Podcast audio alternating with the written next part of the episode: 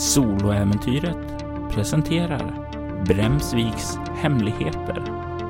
Lucka 14. 223 del 3.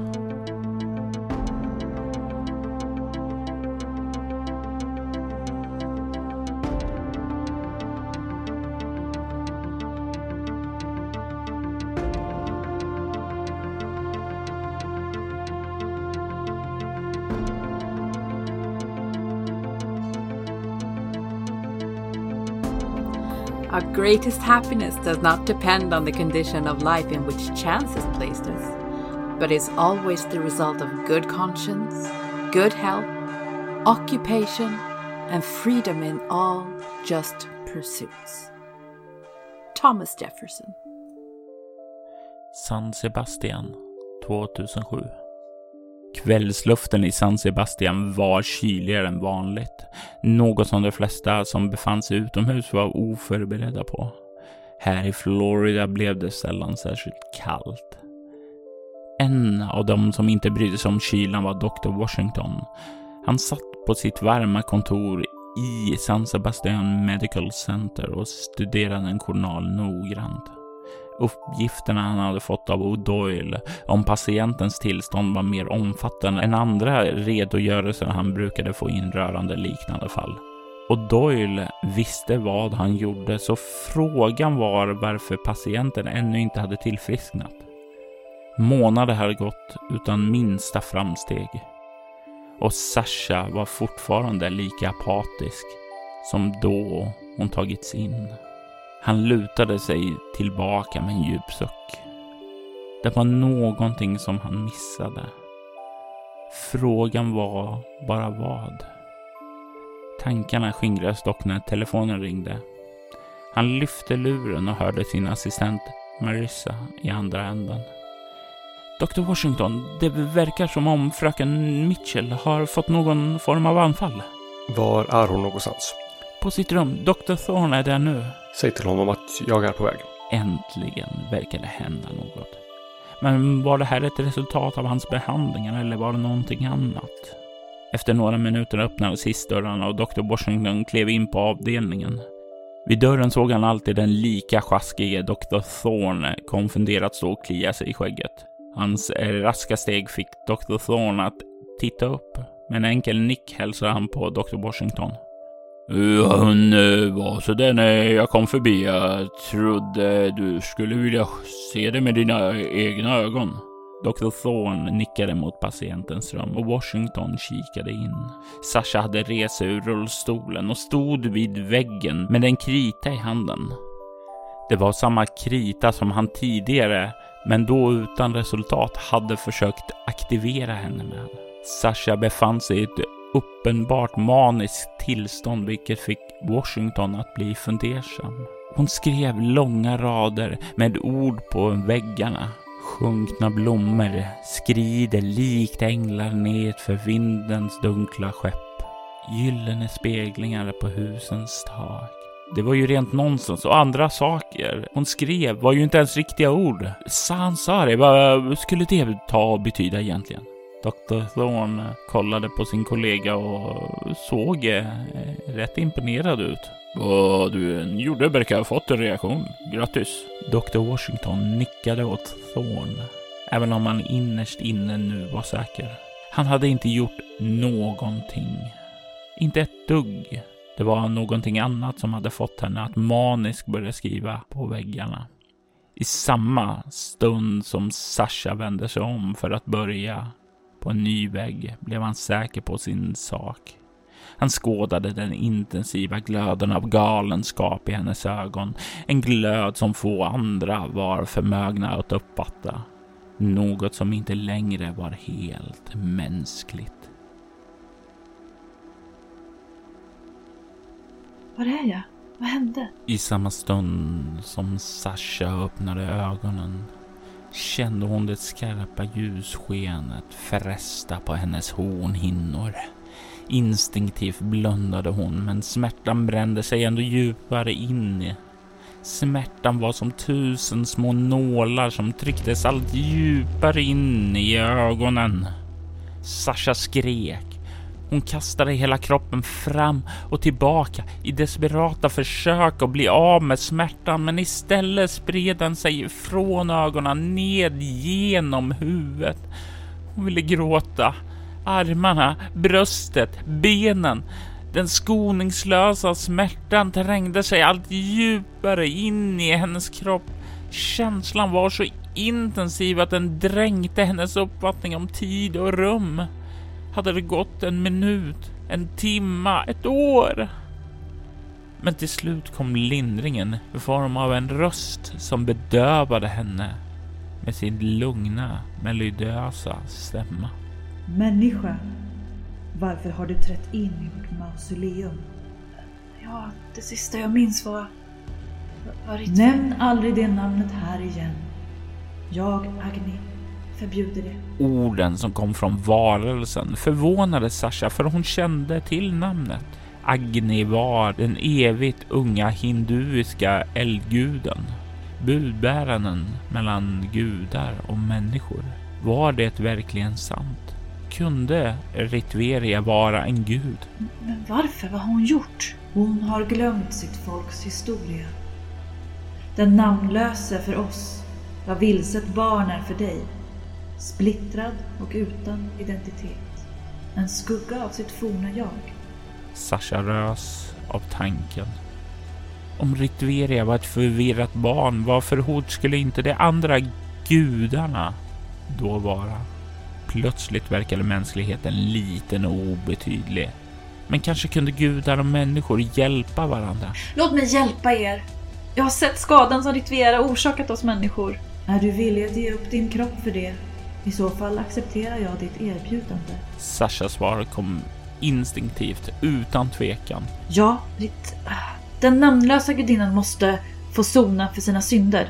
Om min kropp kan bli ett verktyg att straffa henne erbjuder jag det utan tvekan. I nästa ögonblick kände Sasha åter hur smärtan exploderade inom henne. Intensiteten den här gången fick den tidigare att kännas som en mild sommarbris. Agni brände sig djupare in i Sashas kropp.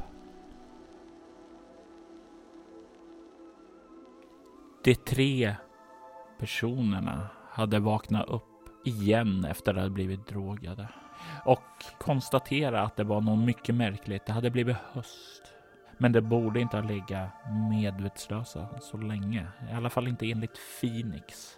De fann även chip i sig, eller i alla fall professor Ford och Min hade chip i nacken. Men Phoenix tog ut dem. De hade rört sig norrut då de hörde en bil starta och börja åka norrut. Och de gömde sig i buskarna. Bilen fortsatte norrut. Och professor Ford och Min reste sig upp när Phoenix skulle göra detsamma. Lade hen handen på en kropp från en död soldat. Soldaten hade ett gevär vid sin sida. Den hade blivit huggen i bålen. Huggen på ett sätt som stämde väl överens med den person min jagade, seriemördaren Ripper. Det fanns på den här personen också en personalfil fylld med uppgifter på en Joshua Tree, a.k.a. Ripper. Phoenix du som håller den här kan ju se att filen beskriver den här mannen, Joshua Tree, är eh, infångad och här för utvärdering. Det står att han är en potentiellt mäktig allierad, men kan bli lika gärna en farlig fiende. De 223 behöver veta vilket han är och Kappa är satt att hålla honom under uppsikt. Kappa verkar vara någon typ av konam för den person som troligtvis ligger här. Orden verkar vara utförd av en person som kallas för Agamemnon. Alla kan få slå ett lätt slag med ego humaniora för att dra sig till minnes sina grundskolelektioner. 19. 10. 19. Kappa och Agamemnon känns, det är ju grekisk, Kappa är ju, Mm. precis. Och Agamemnon ledde ju akajernas här mot Troja. Han offrade också sin dotter för att, uh, Ifigenia va? Mm. För att, för att de höll på att inte komma fram till Troja. De var fast av en storm, så han, han offrade sin dotter Ifigenia för att komma fram till Troja överhuvudtaget. Och därför hans son Orestes sökte hämnd på sin far. Alltså klassiskt så här grekisk och... Mm. Och allt det här som eh, ni nu har sagt, det är ju sådant som ni känner till. Och blev sedan även mördad av sin fru. Vem var det som fick 19? Vi två. Professor Ford och Min Kwan kan också dra sig till minnes att namnet Agamemnon betyder väldigt ihärdig. Och hur förekom Agamemnon i akten nu igen? Det var den som hade utfärdat ordern till Kappa, Till Kappa. Att, håll, att Ripper skulle hållas under uppsikt. Jag tror Phoenix bara ger över hela det här em, dokumenten till eh, Ming. Mm. Liksom, lä, läs det här. Min läser det snabbt igenom det eh, och absorberar snabbt kunskapen i det och lämnar vidare till. Professor Ford kan ju lägga märke till att nästan ögonen bara skannar dokumentet väldigt, väldigt fort. För det andra kanske ser ut som väldigt slarvigt läst och sen eh, placerat över. Men det är någonting i den här hur hon läser det som absorberar informationen snabbt. Ett så snabbt sätt, ett så skarpt sinne som får dig Ja, du har inte sett det sedan den tiden som Sasha Mitchell studerade under dig. Nickar lite bara Mhm. så här åt dig lite. Mm. Så den här Ripper har också blivit kidnappad. Det verkar som att de ville ha någon som allierad. Det är inte ett bra tecken. Och han har tydligt rymt, säger Phoenix och nickar mot den här kroppen av Kappa då. Kan det ha varit han som körde förbi bilen? Eller någon på jakt efter honom? Mm. Vad har vi för koppling till eh, allt det här? Det här är ju uppenbarligen en by som är övergiven sedan decennier. Vi skulle kunna vara... Jag har ju uppenbarligen mycket kunskap om Ripper men eh, ni verkar inte ha samma koppling så det är möjligt att vi bara är slumpmässigt utvalda. Mm. Om inte den här Agamemnon även söker allians med Ritveria till exempel. Men var, varför är jag här? Ja, det undrar vi alla. Men befann ni er också i Polen när ni blev tagna? I Polen? Är London? Nej, jag var hemma i London. Så vi är tagna från helt olika platser och tagna hit. Det verkar så. Då kan det inte vara slumpmässigt. Hur fraktar man ens någon kidnappad till Sverige? Ja, det är nog inte det som är det värsta vi behöver tänka på. Det finns väl lådor och allt möjligt. Men eh, Privatplan säkerligen. mycket möjligt. Det verkar som om Phoenix får svar direkt från de här två personerna hur det skulle gå tillväga. Hur får det Phoenix att känna att de verkar ha pejl på det här med att frakta personer osedda? Alltså Phoenix tycker ju att allt det här är så surrealistiskt som händer. Och det finns en frustration i att de alltid är ett steg före och verkar ja, men ha koll hela tiden. Samtidigt som det också känns jäkligt weird och misstänksamt. Att eh, vad är det här för människor som bara tänker på det här sättet? Det är ju sjukt situationen vi är i. Och de bara går direkt till action. Eh, och accepterar nästan allting eh, för vad det är. Eh, men hen är ju samtidigt belagd till att eh, inte neka liksom, möjliga nya kunskapsområden och ändå lagd på det sättet att eh, våga satsa på det som verkar omöjligt. Eh, så hen vill inte utesluta några möjligheter och det är därför hen mest eh, blir frustrerad och tyst när de säger saker som hen inte hänger med på. Plockade Phoenix upp eh, automatkabinen? Nej. Är det någon som har någonting emot om jag tar den här? Har du erfarenhet av att använda den? Svar ja.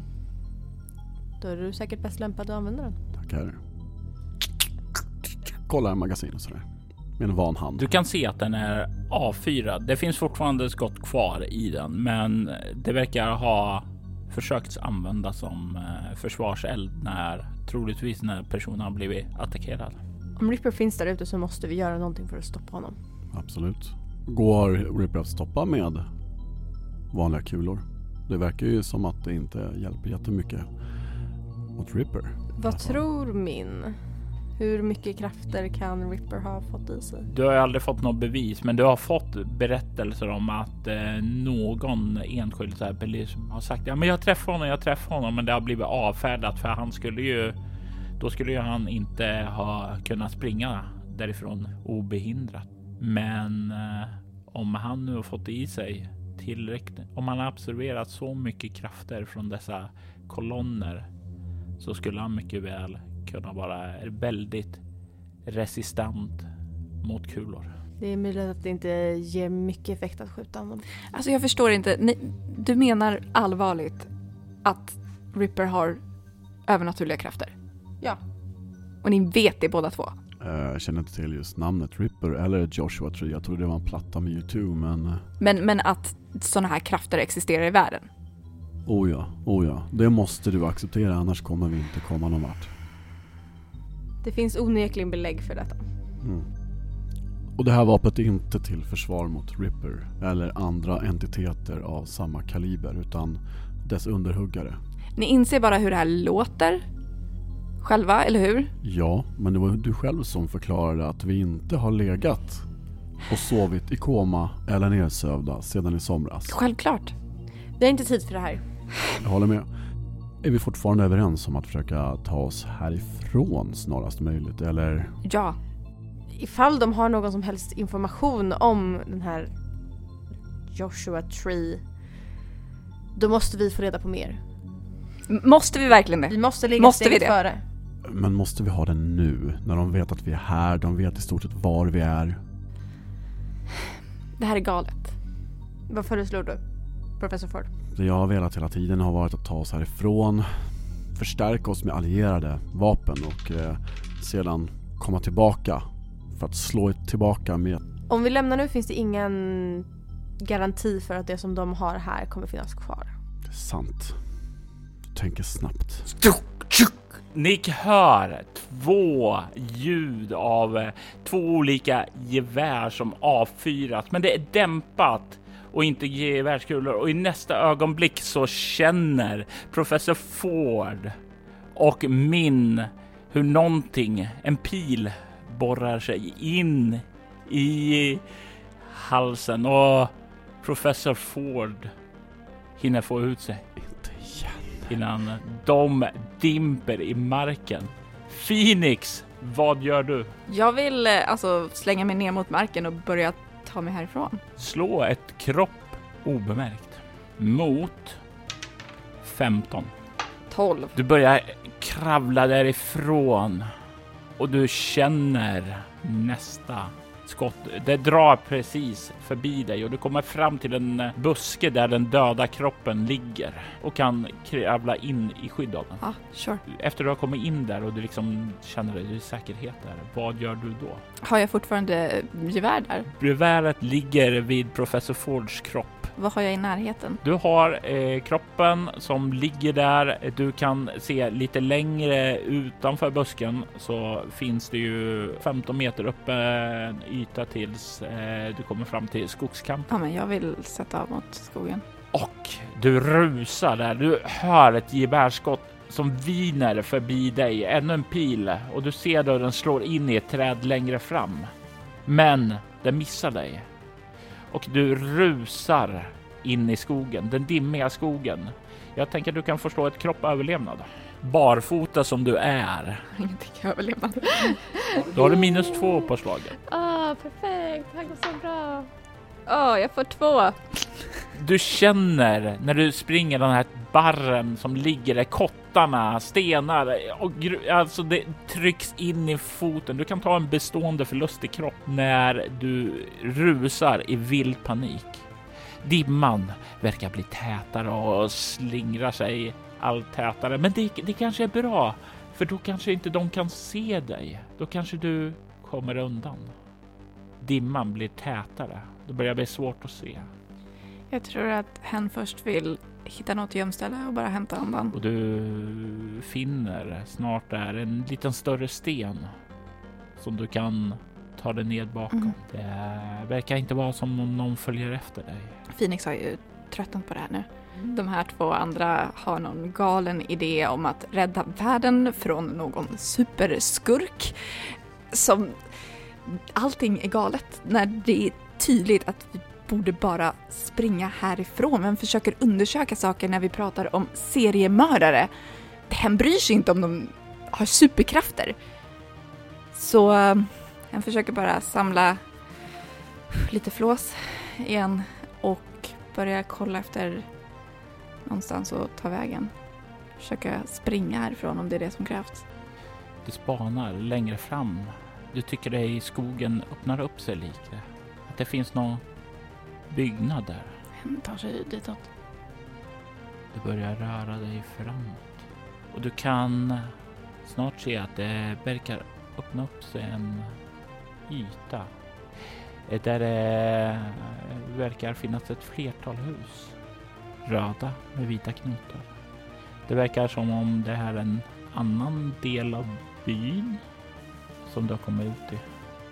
Verkar tyst. Finns det bilar här? Ja, det verkar finnas något torg där lite längre fram och kan ana bortom det så finns det en bil. Hen vill smyga sig in i den här lilla byn. Du rör dig närmare torget mot bilen. Hålla uppsikt efter kameror också. Du är rätt säker på att du har rört dig i västlig riktning hela tiden sedan du har flytt. Men när du kommer fram till Kullerstenstorget och dimman liksom lägger sig och du kommer ut där så ser du ut på Kullerstenstorget där ni vaknade upp. Du har rört dig i en riktning men kommer tillbaka där du var alldeles nyss. Och i nästa ögonblick så känner du hur det sticker till när du träffas av en pil. Du känner hur det här bedövningsmedlet, sömnmedel börjar pumpa in i din kropp. Vad är det sista du försöker göra? Jag tror hen bara faller ner på knä och tittar runt omkring i den här byn förvirrat och oförstående och, och med en växande panik. Vad, vad är det här? Och sen svartnar det. Professor Ford och Min, ni vaknar upp vid den återbekanta känslan av att ha blivit drogade. Men det, det verkar som de mesta liksom har hunnit gå ut i kroppen. Det är inte lika kraftfullt som tidigare. Ni kan faktiskt få tillbaka en, den bestående förlust som ni hade tidigare. Ni sitter på ett rejäla stålstolar som eh, verkar mer bastanta än tidigare och ni sitter hårdare fastsurrade. Ni sitter på varsin sida av ett bord och på bordet så kan du se hur det ligger en kassettbandspelare med ett band som verkar redo att spelas. Åt er ena håll så kan ni se hur den medvetslösa Phoenix sitter utan bojor med en kniv i handen. Medelslös, utan bojor och en kniv i handen. Ja, Vad är det de försöker göra här? Jag förstår ingenting. Vad vill de från oss? Vi måste, vi måste ta oss loss. De behöver oss. Annars hade de dödat oss. Det, det är mycket sant. Vill de att vi ska lösa mysteriet med, med Ripper eller vill de att vi ska leda dem någonstans eller? Intressant teori. De behöver Ripper. De vet att du har kunskap om Ripper. De tillåter oss inte ta oss härifrån. Mm. Men om Ripper har tagit sig tagit sig loss från den som skulle vakta honom då, har han, då är han redan långt härifrån. Ja. Men om de slutar skjuta på oss med pilar så kanske vi kommer någonstans i det här någon gång. Phoenix, du väcks av att professor Ford ropar högt det där. Du känner att du befinner dig i en stol. Du verkar hålla någonting i handen, handen som ligger i ditt knä. Du verkar inte fängslad. Phoenix öppnar ögonen och, och kollar runt omkring och i handen. Du ser det här bordet med en kassettbandspelare fram där. Du ser professor Ford åt din vänstra sida och min åt din högra. Du håller en kniv i handen. Var de fastbundna Ja, med rep? ja. Vad fan är det här? Vad är det här? Ja, det skulle underlätta om du kunde ta oss eh, loss från repen. Du ser en post-it-lapp ligga vid kassettbandspelaren där det står Play Me. Phoenix går fram och sätter igång kassettbandspelaren. Ford har suttit helt tyst bara och observerat Fenix sen han vaknade. Och bara kallt studerande. Du hör en raspig röst som säger Välkommen Phoenix till din chans till frihet. Det enda du behöver göra är att döda de andra i rummet. Vägrar du kommer de att släppas fri, men inte du. Du har en timma på dig att göra ditt val. Ditt och deras liv ligger i dina händer. Känner någon igen rösten? Vilka är ni? Jag förstår inte. Vil- vilka är ni? Hur vet ni allt det här? Det finns många samhällen... Men svara mig på riktigt! Sluta med den där rösten! Vadå för röst? Mitt namn är professor Jeremiah Ford. Jag är arkeolog och antropolog som har forskat i Sydamerika om antika kulturer där. Jag stötte på den här Ritveria och fann där att det finns världsförstörare som kämpar mot världens undergång. Jag har sett profetior skrivna för hundratals, tusentals år sedan som förutspår atombomben, som förutspår det globaliserade samhället. Om du tror att du är den som är bäst lämpad att möta dessa hot, så för all del, skär av våra halsar. Om du tror att det är vi två som är bäst lämpade att kämpa mot denna ondska som försöker förgöra världen, skär oss fria. Valet är ditt. Vet du vad jag tror? Jag tror att ni är galna. Det är vad jag tror. Båda två. Det är lätt att tro att någon är galen bara för att man inte förstår deras åsiktsbildning. Era röster. Jag förstår inte.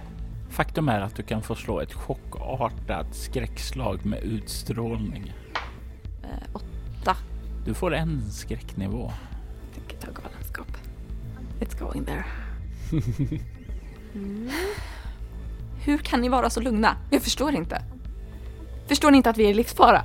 Så mycket uppenbart. Har du inte förstått detta förrän nu, så är ditt intellektuella... Såklart att jag har förstått det, vad jag inte förstår är era reaktioner på det här. Det finns ingenting att vinna på att tappa fattningen. Vi måste tänka på det här logiskt, vi måste tänka på det strukturerat och vi måste ta oss härifrån. Jag är logisk, jag är strukturerad. Nej, du är hysterisk. För att jag är fast i en by med seriemördare. Möjligtvis flera. Ni kan se när hen gestikulerar att hen håller i en kniv. Du är inte helt utan intelligens, du är ändå läkarstudent. Använd din hjärna. Tänk. Kommer vi kunna ta oss härifrån, vi tre? Vad va, vad är ditt förslag? Som sagt, världen är i fara. Vem tror du är bäst lämpad att bekämpa den ondska? Du eller vi? Så jag ska dö istället? Även om de släpper... Det finns ingen garanti att de släpper oss, i vilket fall. Jag förstår inte varför de skulle släppa mig. Vi har försökt att spela mot deras spel hela tiden. Va? Låt oss spela med deras spel. Ja, och kassetten säger att jag ska döda er. Eller skära oss fria. Tänk nu, tänk. Kan vi fokusera på att komma härifrån i så fall? Vi tar oss härifrån. Jag tänker inte attackera dig om det är det du tror ifall du skäller loss mig. Du drar dig till minnes en sak.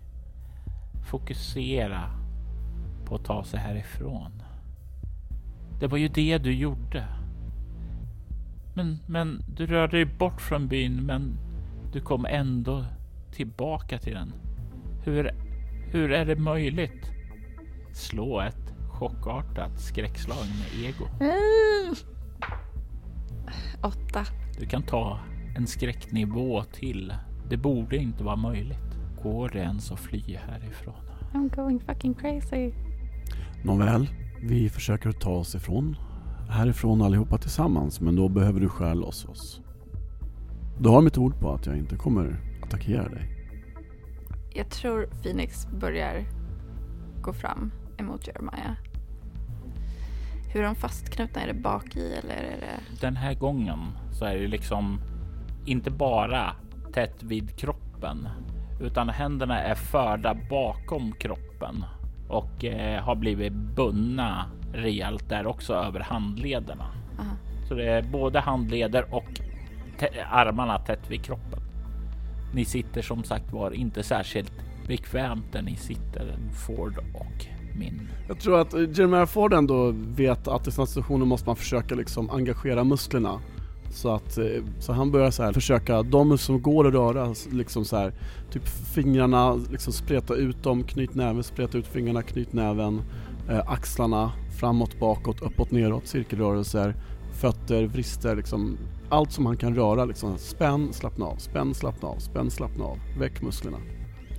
Min försöker verkligen tänka, försöka förstå de som har satt dem här för det finns ingen logik i att ta dem hit, sen släppa dem, sen fånga in dem igen, släppa dem och nu låta dem spela det här spelet med varandra. Nej, det finns ju ingen logik. Det, eller rättare sagt, det, i så fall finns det två motsättande logiker. Kanske är som så att det finns fler än en fraktion här. Kan jag fundera lite grann på liksom också så här, logiken kring det hela, situationen, upprepandet, de olika tillvägagångssätten att söva ner oss och sådana här saker. Eh, kan jag försöka liksom analysera det på något sätt? Med min eh, specialisering inlärningsförmåga? Nej, det är mer, mer om du ska läsa deras handbok och eh, följa applicera det själv. All right. okay. Men eh, du, du, du kan ju också när du liksom börjar tänka på det här, alltså det finns ju ett mönster. Varje gång ni har vaknat upp har det ju varit en annan årstid. Nu ser ju inte det ni är ute, men om det följer det samma mönster mm. så borde det vara vinter mm. utomhus. Vad är det vi har gjort när vi har blivit nedsövda? Vi har varit på väg mot en bil. Vi har varit, eh, vi har varit i ett hus. Vi har stått och diskuterat. Det finns inget samband. Nej. Ser vi någon kamera här inne? När ni kollar så kan ni mycket riktigt se en kamera som sitter där uppe. Blinkar rött. Det kan finnas flera olika fraktioner som har olika mål. Som använder denna by som någon slags eh, slagfält. Det kan lika gärna vara den här uh, Agamemnon och någon annan i samma organisation.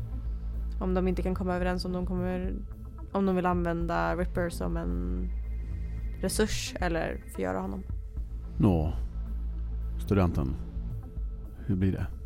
Jag tror Phoenix ändå har stått liksom bakom Jeremiah och kollat på repen. Men också kollat mot typ halspulsåren. Liksom. Det, hen vet att det skulle gå snabbt. Så, så snabbt. Bara ett enkelt snitt. Så skulle det här vara över och andra sidan där och du har skurit en. Hur svårt skulle det egentligen vara att skära en till? De brukar ju säga att den första är den svåraste. Du kan säkert eh, boxa in minnena och ta deras liv för att komma fri och inte tänka mer på det. Ford. Mm. Du kan lägga märke till en liten detalj som ändras i rummet. Från din plats så ser du kameran. Mm.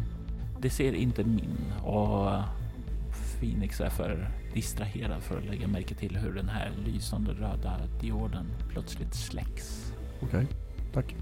Phoenix, du står där, betraktar de olika vägvalen med kniven i handen. Nu, gör det nu, fort, nu, nu! Vad väntar du på? De har slagit av kameran. Vad väntar du på? Nu! Gör det, nu! Och du står där och du känner den där rösten. Du kan få slå ett eh, omskakande utstrålningsskräckslag här. like you do it. Sju. Ja, du får ingen skräcknivå, men du känner ju det här pulsen börjar öka när Ford skriker. De har stängt av kameran. Gör det nu. Gör ditt val, det är nu eller aldrig. Phoenix står där helt så här chockerad och förlamad över att få den här eh, uppmuntran eh, att göra det och eh, utan att tänka hen impulsivt agerar och sätter kniven i halsen på Jeremiah Ford. Vad gör du? Blodet bara börjar spruta ut ur Fords eh, hals. Jag tänker min, du kommer få slå ett kroppsskräckslag. Chockartat eller eh, fruktansvärt när du ser den här oskyldiga läkarstudenten bara helt plötsligt bara helt bara kör in den där och du vet på kassettbandet så sa de döda båda så kommer du fri och nu verkar eh, Phoenix agera på det. Ja, Och du slår ett chockartat eller fruktansvärt. ja det är nog rätt fruktansvärt. Du får tre skräcknivåer. Phoenix, du ska slå ett chockartat eller fruktansvärt skräckslag med utstrålning för att du tar en persons liv. Ditt första liv. Okej, vad- jag är helt förvirrad. Jag vet inte vad som händer. Utstrålning! Okej, Chockartat eller fruktansvärt? det måste vara fruktansvärt. Och vad kommer du upp? Nio, så jag får missa på båda. Du får även du tre skräcknivåer av där du känner blodet sprutar ut från professor Fords hals ut över dina händer. Du ser också hur det skvätter ut på bordet nedanför och du ser eh, Mins eh, blick. Phoenix, Phoenix, Phoenix kollar över mot min du vill inte göra det här. och börjar väl gå emot henne. Du, du måste inte göra det här. Det är ingen som tvingar dig till att göra det här. Det är någon som tvingar mig till att göra det här. Du kan välja själv vem du vill vara. Vi kan ta oss härifrån. Hur? Vi, vi hittar en väg. Om ingen tvingar dig till att göra det här, hör du liksom ett eko i ditt huvud, så betyder det att du är en mördare. Om ingen har tvingat dig så är du faktiskt en mördare och det kan den kropp som sjunkit ihop på andra sidan vittna om. Phoenix skakar på huvudet. En slags Du måste inte göra det här. Vi, vi kan ta oss härifrån. Eh, och tar sig fram mot min och kopplar bort alla slags tankar om att det här är en människa och bara det här är vad jag måste göra. Och tar tag i hennes hår, vinklar huvudet och kör in kniven i halsen. Min, vad är dina sista tankar när du känner hur Phoenix kliver upp bakom och, och sliter ditt huvud bakåt och du ser kniven i ögonvrån? Det, det finns ingenting. Det finns ingenting som kan stoppa varken Phoenix eller Ripper eller de här.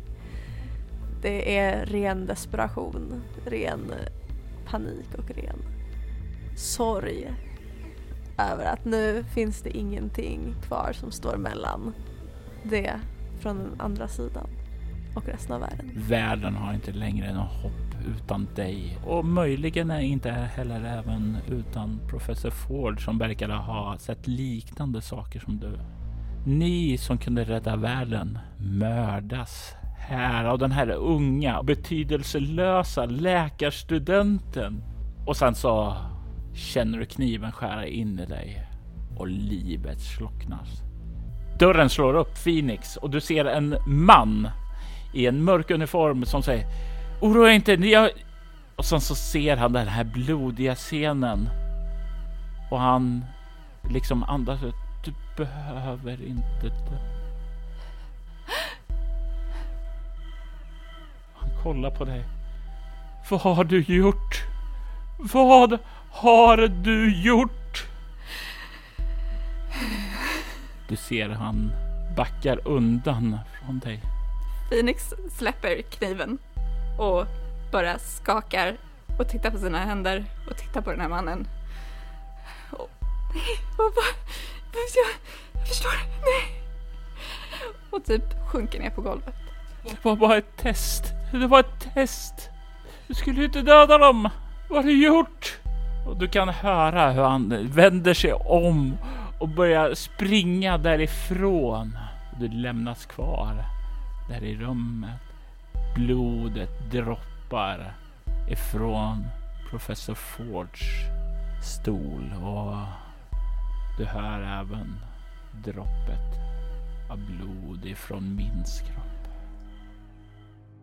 Med ett ryck vaknar Min i sängen på vandrarhemmet. Du hör regnet falla ut. Det är mörkt, det är tyst. Min tar handen mot halsen och känner. Du känner ett litet sår där. Ett litet sår. När du kollar på fingrarna så har du blod där. Men det är inte ett stort sår. Min kollar runt i rummet. Är det någonting som har rört på sig? Är det någonting som har ändrat position? Du med ditt fotografiska minne kan se att ingenting verkar ha rört sig här i rummet. Vad det än var som nyss hände så är det som en dröm. Men en dröm som dröjer sig kvar. Min gnuggar fingrarna mot varandra och känner, känner blodet där och kommer ihåg känslan av kniven som stacks i halsen på henne. Och tänker att det där var en väldigt realistisk dröm. Ifall det var det det var. På referensbiblioteket vid University of London så vaknar Jeremiah Ford av att han eh, faller i marken efter att ha ryckt till på stolen där han har somnat vid bordet och sina papper.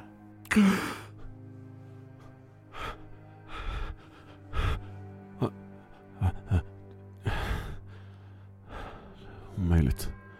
Jag känner efter i fickan direkt. Den är där, den är där, artefakten är där. Håller den i min hand, tar upp den, tittar på den. Och du ser hur den svävar ovanför och hur de här banorna kretsar omkring i varandra samtidigt som kulorna på de kopparlika cirklarna snurrar fram och tillbaka. Jag rafsar ihop mina saker så fort jag kan, stoppar ner dem i portföljen och, och rusar ut från biblioteket. Du lägger inte märke till det då. Personalen som har kommit hit på morgonen som kollar förvånat när du rusar ute. Och inte bara så mycket på att du är där, utan det faktum att ett litet sår ger ifrån sig blod och runner ned över kavajen hos dig när du stormar ut därifrån. På golvet nere i en källare ligger liken av professor Ford och Min Kwan. Fotsteg hörs springa därifrån och kvar i rummet med liken är Phoenix. Phoenix har korsat en gräns för att bli fri. Mord har gjorts. Vid hens sida så ligger den blodiga kniven som ett vittne till hens handlingar. Hen sitter där på golvet och kollar på sina händer.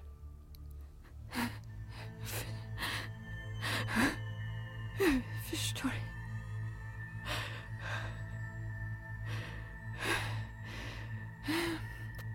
Hen försöker bara... Det är så mycket tankar i huvudet. Idéer om att det bara, det är bara en dröm, det här är inte på riktigt. Men jag var tvungen de betedde sig så konstigt. Jag förstår inte vad... Hen kollar upp mot dörren. Den är öppen, eller hur? Den är öppen. Um, Phoenix drar sig upp på fötter.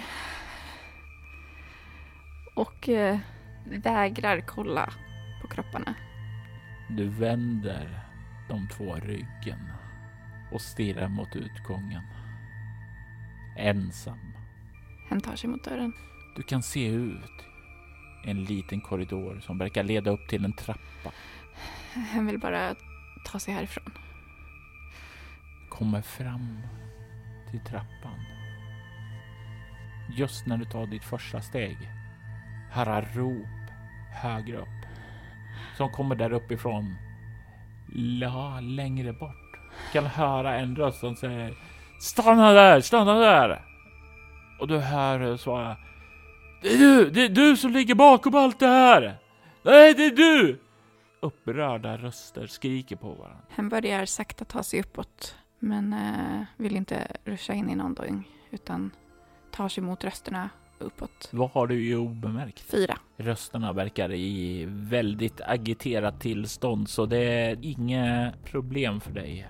Och du verkar komma upp på en scen som är liksom blickar ut mot en stor öppen lokal. Du kan se här uppe på scenen vid kanten av den så står den här mannen som rusade bort ifrån dig med en dragen pistol och verkar rikta den mot en plats borta vid fönstret där du kan ana att det sitter en man med ett draget automatgevär och riktar den mot honom. Och de står där och verkar ha någon form av en standoff och skriker på varandra, anklagar varandra för att ligga bakom allting. Att de inte går att lita på. Känner jag igen någon av dem? Du känner igen den som står på scenen som eh, såg dig efter dådet. Ja. Den andra känner du inte igen. Men jag tänker dig att du kan slå ett ego obemärkt för att snappa upp lite saker ifrån deras skrikande. Tio. Att du hör deras namn i alla fall. Du hör hur den mannen som flydde ifrån ditt rum verkar kallas för Xenon och Xenon kallar den mannen som sitter där borta Agamemnon. Agamemnon. Som från dokumentet. Ja, Ehm, hur ser rummet ut? Finns det någon möjlighet för mig att ta mig ut härifrån utan att bli sedd? du ser dig omkring och kan snart se att i bakre delen verkar det finnas en Tänk dig en sån här liten halvtrappa ner till golvet. Kanske en meter bara. Och där så ser du en dörr ovanför så är en sån här grön nödutgångsskylt. Han eh, riktar sin uppmärksamhet ditåt och eh, försöker smyga ditåt. Du rör dig tyst och diskret fram till dörren. Och det lyckas rätt väl utan att du blir upptäckt. Du kan höra hur skrikmatchen mellan de två herrarna verkar eskalera där borta. Hur de blir allt mer hetsiga. Hem försöker på handtaget. Det glider ner Öppnar dörren. Ser där inne. och du stirrar ut utomhus vid den dimmiga. Men det är inte allt du ser. Du ser en man stå framför dig. En man som håller i en dolk. En dolk som har två blad som är krökta och liksom går emot varandra och verkar ha ett hålighet i mitten. Du kan se den vackra fasaden från mannen i filen. Joshua Tree. Eller som min kallade honom, Ripper. Han ler emot dig. Men hej, var är du på väg? Eller arbetar du kanske också för 223, säger han och liksom håller upp dolken under din haka.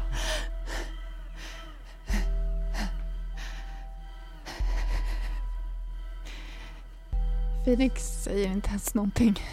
Du kan se han peka med fingret ungefär som inåt. Phoenix följer efter. Han går bakom dig. Du känner doften av hans svett. Definitivt någon som sprungit, rört sig mycket och inte tvättat sig på lång tid. Du får en känsla av att det är, han har varit här längre än dig. Betydligt mycket längre än dig.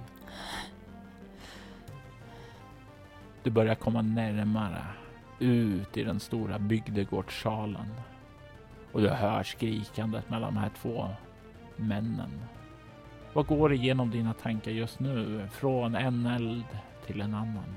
Phoenix känner någon slags tragiskt komisk karma och en hopplöshet bara la sig över honom.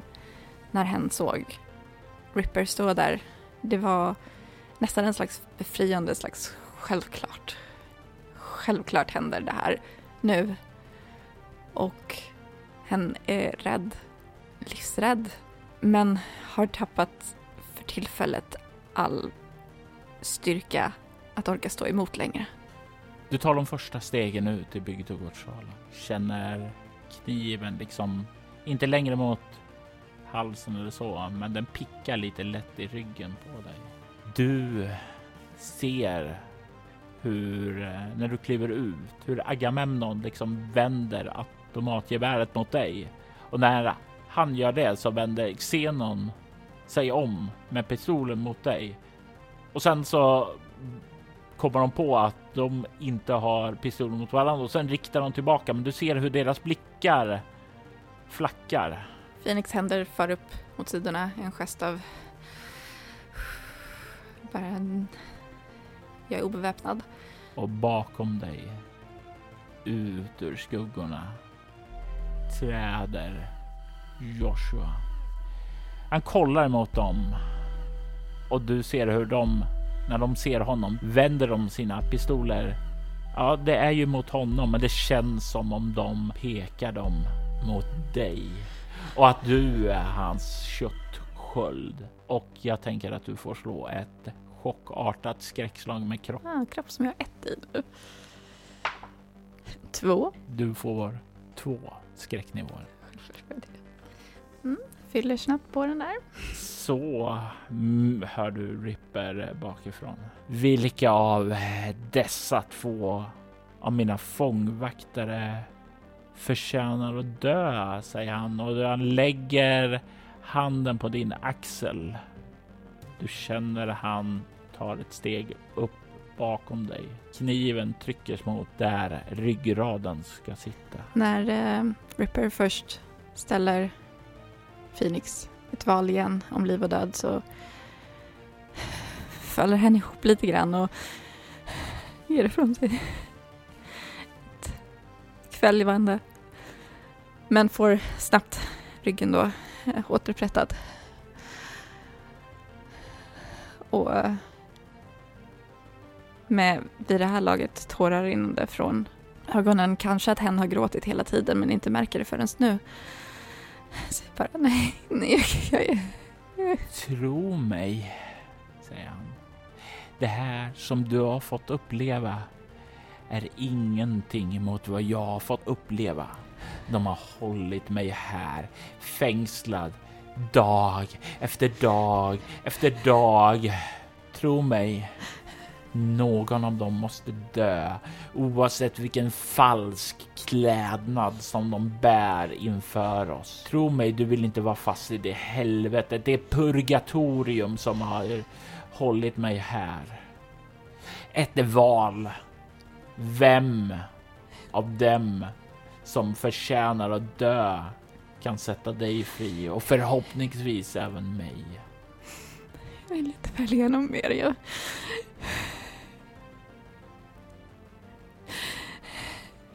Du ser hur de här andra två i rummet, hur Zenon och Agamemnon sänker sina vapen och de vänder sig emot dig. Och du ser hur deras fasad falnar. Det är inte längre män i uniformer. Du kan se borta där Agamemnon stod. Så står en hög rest man i en eh, väldigt fin 1700-tals kostym som tänk en sån här europeisk adelsman skulle eh, bära. Och bortifrån scenen ser du nu istället en gammal nedgången lugge, sliten tiggare som liksom ler och i leendet så ser du hur tänder nästan liksom har fallit ut ur munnen. Båda har kalla, mörka brunnar som stirrar emot dig. Lägger huvudet på sned, observerar dig intresserat. Det är som om de ser dig, ditt sanna väsen, för första gången nu. Och du känner blicken liksom skära djupt in i ditt själ. Slå ett fruktansvärt skräcklag med utstrålning.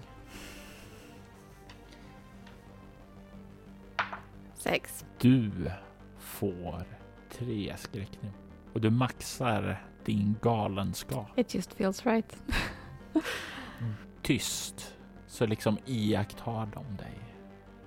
Som de väntar på ett val ifrån dig. Det går en slags darrning genom Phoenix när hen inser att det fanns sanning i Jeremiah och Mings ord. Och att kanske, kanske de hade kunskap som hade kunnat göra någonting.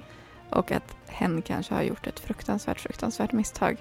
Hen vill bara att det tar slut, att det är över nu. Så han lägger handen över ögonen och, och pekar. Och det är väl mer en gest för sig själv än verkligheten för att han vet ju att han måste peka i en riktning och vet ju var de står. Men eh, det spelar egentligen ingen roll. Han vill bara känna att jag gjorde inte det här valet. Pekar du mot det håll där den luggslitna tiggaren står eller den vackert klädda adelsmannen? Är det adelsmannen som var Agamemnon? Ja. Han pekar mot honom. I samma ögonblick som det sker så bleknar adelsmannen bort och du kan höra det här kacklande skriet från den andra. Utmärkt, utmärkt! Åh, vi ska, vi ska avgöra det här nu. Vi ska ta... Tack så mycket för att du har deltagit i vårat spel. Utmärkt! Och du kan se hur Ripper släpper dig och börjar storma fram emot honom. Och du vaknar med ett ryck i din säng. Klar, vaken och kallsvettig så vaknar du i, i sängen. Drömmar brukar ju blekna bort, kunna bli luddiga, men inte den här. Men det är din maxade galenskap. Så förstår ju du att det fanns sanning vad de här sa. Vad professor Fall och Min sa. Och du vet ju att du drömde. Du vet att det finns hot ifrån drömmarna. Hot som vill tränga sig in i er värld. Hot som måste stoppas.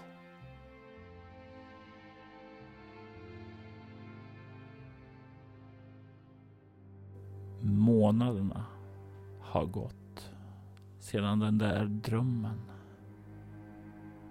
Professor Ford minns den fortfarande väl och det, det är anmärkningsvärt. Drömmar brukar sippra undan ifrån en. Men det här minns i så skarpa detaljer. Vad har det lämnat för spår hos dig, professor Ford? Jag tror definitivt att professor Ford har blivit än mer besatt av att finna mer kunskap kring världsförstörarna eh, och eh, finna sätt att hitta dem snabbare, att förgöra dem. Men också någonting som min Kwan sa i drömmen där, att någonting om platser runt om på jorden med där någon kraft skulle vara särskilt stark. Han har nog efterforskat lite grann kring det också tror jag. Och det skulle ju vara betydligt lättare att göra det om du bara hade den här personen att tala med och ett led i den här utforskningen har ju faktiskt fått fram ett telefonnummer till den person som ska vara min kvarn. Och det är en sen kväll för dig då du ringer. Min. Du har rest efter Rippers spår, fortsatt din eftersökning. För dig kanske det inte är så märkligt att drömmen är kvar i ditt sinne i skarpa detaljer, för du minns ju allt. Men har den lämnat ett djupare intryck hos dig? Min tar nog möjligheten att den kanske mer, betyder någonting mer. Eh, Min har sökt efter Joshua Tree för att se om det leder till någonting som kan ha med Ripper att göra. Joshua Tree var en son till en framstående konstnär som kallas för Abraham Hellner. En son som försvann spårlöst under mystiska omständigheter i början av 1990-talet.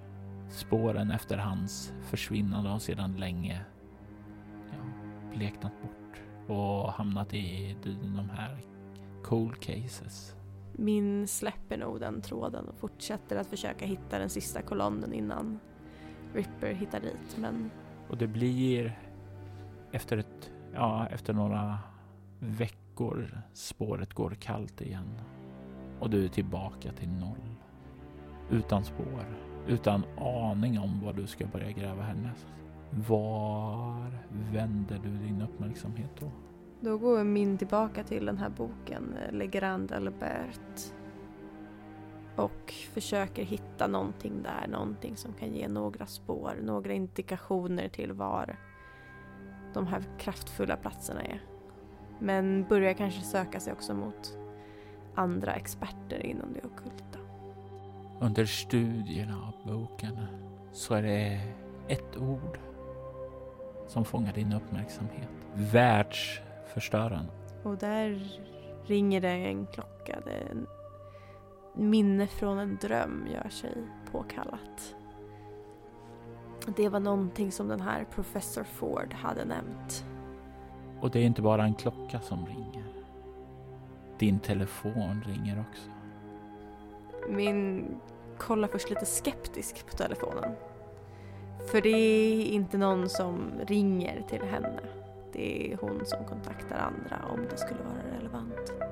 Men svarar efter några signaler. Min Kwan? Det är du. Det är verkligen du. Och du känner igen professor Fords röst på andra sidan. Professor Ford? Ja. Mm. Hur fick du det här numret? Jag har spenderat hela mitt liv att hålla på med efterforskningar, undersökningar. Att hitta telefonnummer är en enkel uppgift i jämförelse med att studera aztekernas mysterier. Du är... Du existerar. Ja, och så även ni. Skulle det vara intressant för er att komma och träffa mig så kan vi samtala. Det känns inte som att det här är en diskussion vi borde föra över telefonen, så eh, Intressant. ja. Vart ska jag möta dig? Londons universitet. Då tar jag nästa flyg dit. Välkommen.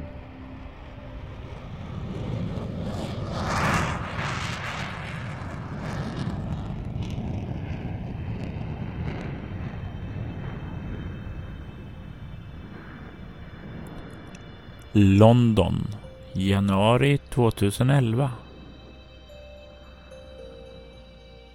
Tack för att ni kom Miss Kwan. Vi har mycket att tala om. Självfallet. Redan då jag såg er första gången. Jag visste att vi hade mycket gemensamt. Mm. Vi vill båda rädda världen. Du vill stoppa Ripper från att frigöra den femte kolonnens kraft. Och du vill förhindra världens undergång. Jag har information som kan hjälpa dig angående det. Du har min fulla uppmärksamhet, Miss Kwan. Kalla mig min. Den undergång du vill stoppa. Den kallas för tystnaden. Mm. Det är en incident som hotar att förgöra allt liv på jorden. Ditt mål är sammanvävet mitt. Det var därför jag är här. Jag är övertygad om att vi tillsammans kan uppnå mer än var för sig. Jag kunde inte hålla med mer i vad du säger. Tillsammans kan vi uträtta stordåd. Det är bara ett problem som oroar mig.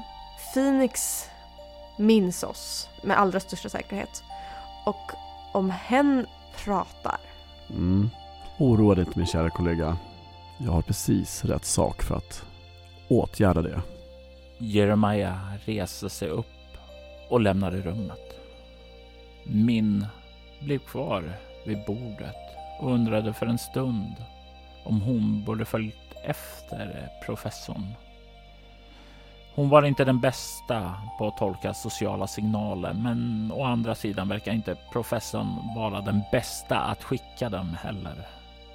Oron stillade sig dock snart och Jeremiah kom tillbaka i rummet.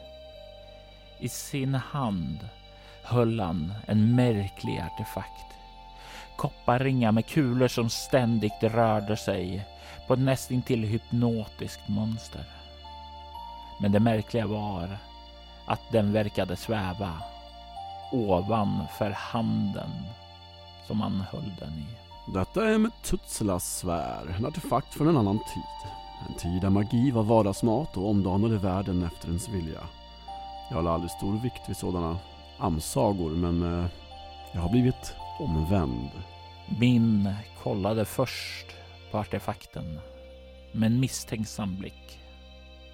Sedan upp emot professorn. Vad fick dig att bli övertygad?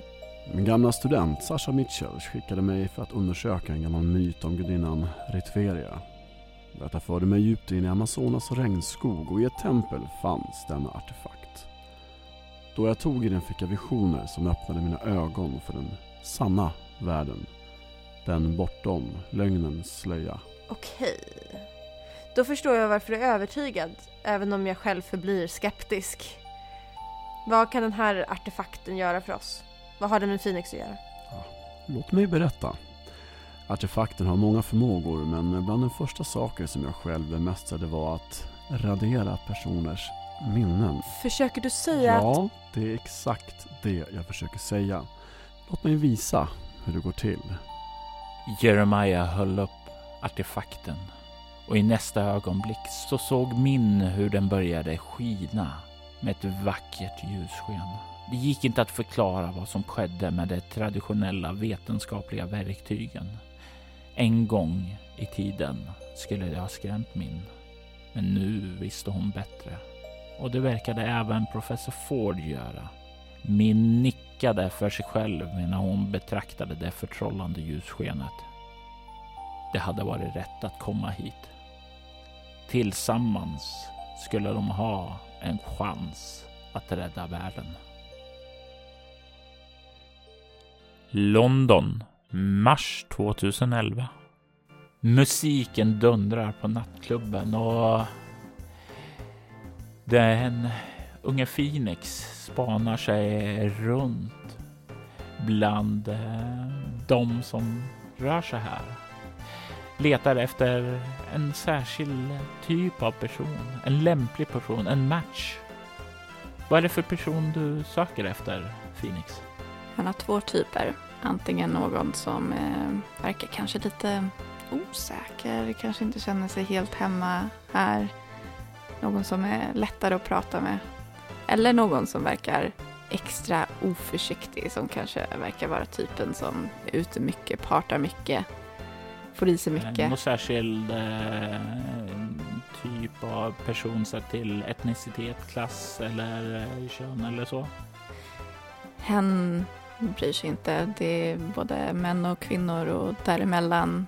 Eh, gärna en attraktiv person, men det är alltid trevligt att prata med. Men Och du, ja men det blir väl som så att eh, idag så är det väldigt mycket mer och lätt att finna den typen av person här. Så du plockar eh, väl ganska snart upp ett samtal med en eh, ganska vacker man. Eh, lite så här överförfriskad och väldigt så här lite på. Han kanske han ser lite överviktig ut, men ser ut att ha ganska gott om cash. Glad av att dela med sig av sina pengar och liksom bjuder dig på en drink och ganska snabbt kommer upp i samtal med dig och pratar om både dittan och dattan. Du kan se väldigt fascinerad av dig. Phoenix svarar medvetet på den fascinationen och eh, spelar med. Du kan ta och slå ett utstrålning interaktion. Har jag fortfarande kryss där? Nej. 10. Du är tillräckligt bra för att eh, du ska få med honom på noterna och eh, du får ju ganska snart eh, frågan eh, skulle du vilja lämna den här lite pratsamma klubben? Kanske vi kan vi finna någonstans mer privat att prata? Det låter jättetrevligt. Din plats eller min? Jag har en flaska hemma hos mig om det är intressant. Det låter eh, alldeles utmärkt. Trevligt sällskap, en fin flaska, det är allt man behöver. och eh, ni kliver ut och kommer ut och tar en taxi hemåt och så här på färden hem så frågar han så vad, vad arbetar du med? Äh, medicinföretag. Och du menar eh, sådana här som typ skapar medicin eller eh, sådant som typ är smart och gör, forskar heter det, framåt saker? Äh, jag är forskare. Så du är inte bara snygg, du är smart också? Jag vill tro det. ja, det, det är liksom nickar, ler, fortsätter prata så här och ni släpps snart av utanför ditt hem. Här är jag. Phoenix gestikulerar och går väl för att öppna dörren. Är det lägenhet? Det är en sån här lägenhet på första våningen och du har ju där också då betalat för att få en eh, källare då också eftersom Ja, du har ju en del privata forskningsprojekt som du håller på med som eh, kan vara, ja, som behöver den ytan. Mm. Och ni kliver in i ditt hem. Eh, ja, ganska stor och fin lägenhet. Ni forskare måste känna bra, säger han då. Jo, det är rätt bra betalt ändå. Han nickar. Eh, du sa något om någon flaska? Absolut. Uh, vill du slå dig till ro? Eh, absolut, absolut, säger han och du kan se han lossar lite på det här, knäpper upp översta skjortan. Um, Phoenix uh, vänder sig bort och går väl mot köket och rullar lite smått på ögonen men uh, kommer fram, tar fram en flaska vin som han har och två glas och häller upp. Du gör det, preparerar glasen och börjar röra ut. Kan se hur mannen, Marcus tror du han presenterar sig som, men du är inte riktigt säker. Sitter där, ganska avslappnat, gjort sig verkligen hemmastad och ler när du kommer upp med glaset till honom. Mm. Eh, han tar emot det och säger skål. Absolut, skål. Han tar och drar i sig det i ett svep. Det dröjer inte lång tid innan han börjar känna av verkningarna där. Som forskare på Alpha et Omega Industries så har ju du tillgång till starka saker. Inte så att du officiellt borde ha det, men för den uppfinningsrika så går det alldeles utmärkt att få tag i alla droger som kan tänkas behövas. Du ser hur kroppen sjunker ihop. Att han är en djup dvala. Phoenix har väl utvecklat en rutin vid det här laget um, och har kanske skaffat sig någonting för att flytta kroppen. Kanske en sån här eh, liten eh, sån här vagn som man ibland kommer och kör med och har lådor och sådant man vickar upp. Ja, jag tänker också så en sån där packlår-grej eh, som henne väldigt eh, snabbt ställer ifrån sig vinglaset, går och hämtar den i ett eh, litet städskåp, eh, drar undan soffbordet så att hen på så smidigt sätt som möjligt kan föra över den här mannen. Eh, och gör det här på automatik vid det här laget. Det har blivit en rutin. Det är så enkelt, det går så snabbt. Det kanske inte ens längre så att du reflekterar över att det är en människa som du börjar transportera mot källaren. Det kanske är här mer ett försöksobjekt. Du får ned kroppen i källaren, lägger upp den på britsen och du kan se alla monitorer där som står där i standby-läge redo till att du ska koppla upp han. Varför vill du koppla upp honom? Exalterad känner sig han, för han kanske kommer få svar. Hen kanske kommer få veta mer. Hen kommer förstå det här med drömmar och drömväsen. Hen har jobbat länge nu på att eh, försöka förstå de här drömväsena som hen träffade och eh, försöka få tillgång till människors drömmar och minnen och hitta dem där i. Så eh, hen sätter igång, lägger upp den här personen och börjar koppla in honom. Natten fylls av dina experiment. Forskningsdata samlas in. Men det blir inga svar den här natten heller. I slutändan så eh, lämnas ett hjärndött kolli med ett utbränt sinne. Du suckar. Men det är inte första gången det sker. Du börjar ta på dig skyddsdräkten, plasthandskarna för att börja städa undan det här experimentet. Det sker på rutin.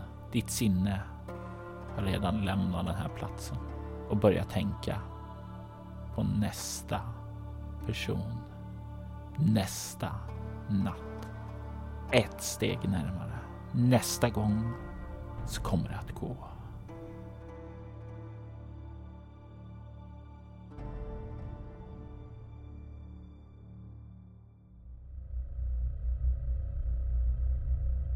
223 var ett scenario skrivet av Robert Jonsson som även redigerade, ljudlade och spelledde.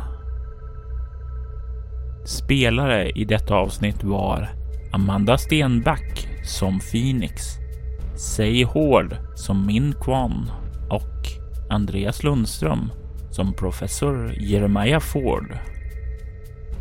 Övriga roller gestaltades av Kristoffer Warnberg som Dr. Washington och Anna-Karin Linder som Sasha Mitchell.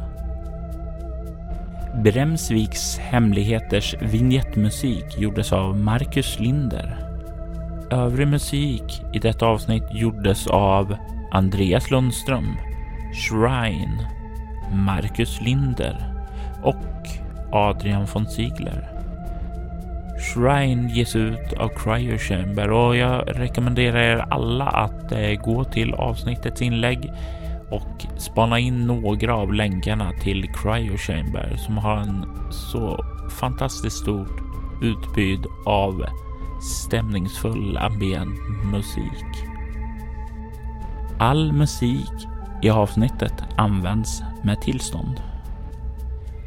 Mer information om rollspelet Bortom hittar du på bortom.nu och mylingspel.se. Följ gärna soloäventyret på Instagram och Twitter under namnet Spela Bortom eller på Facebook som Soloäventyret. Tack för att du har lyssnat.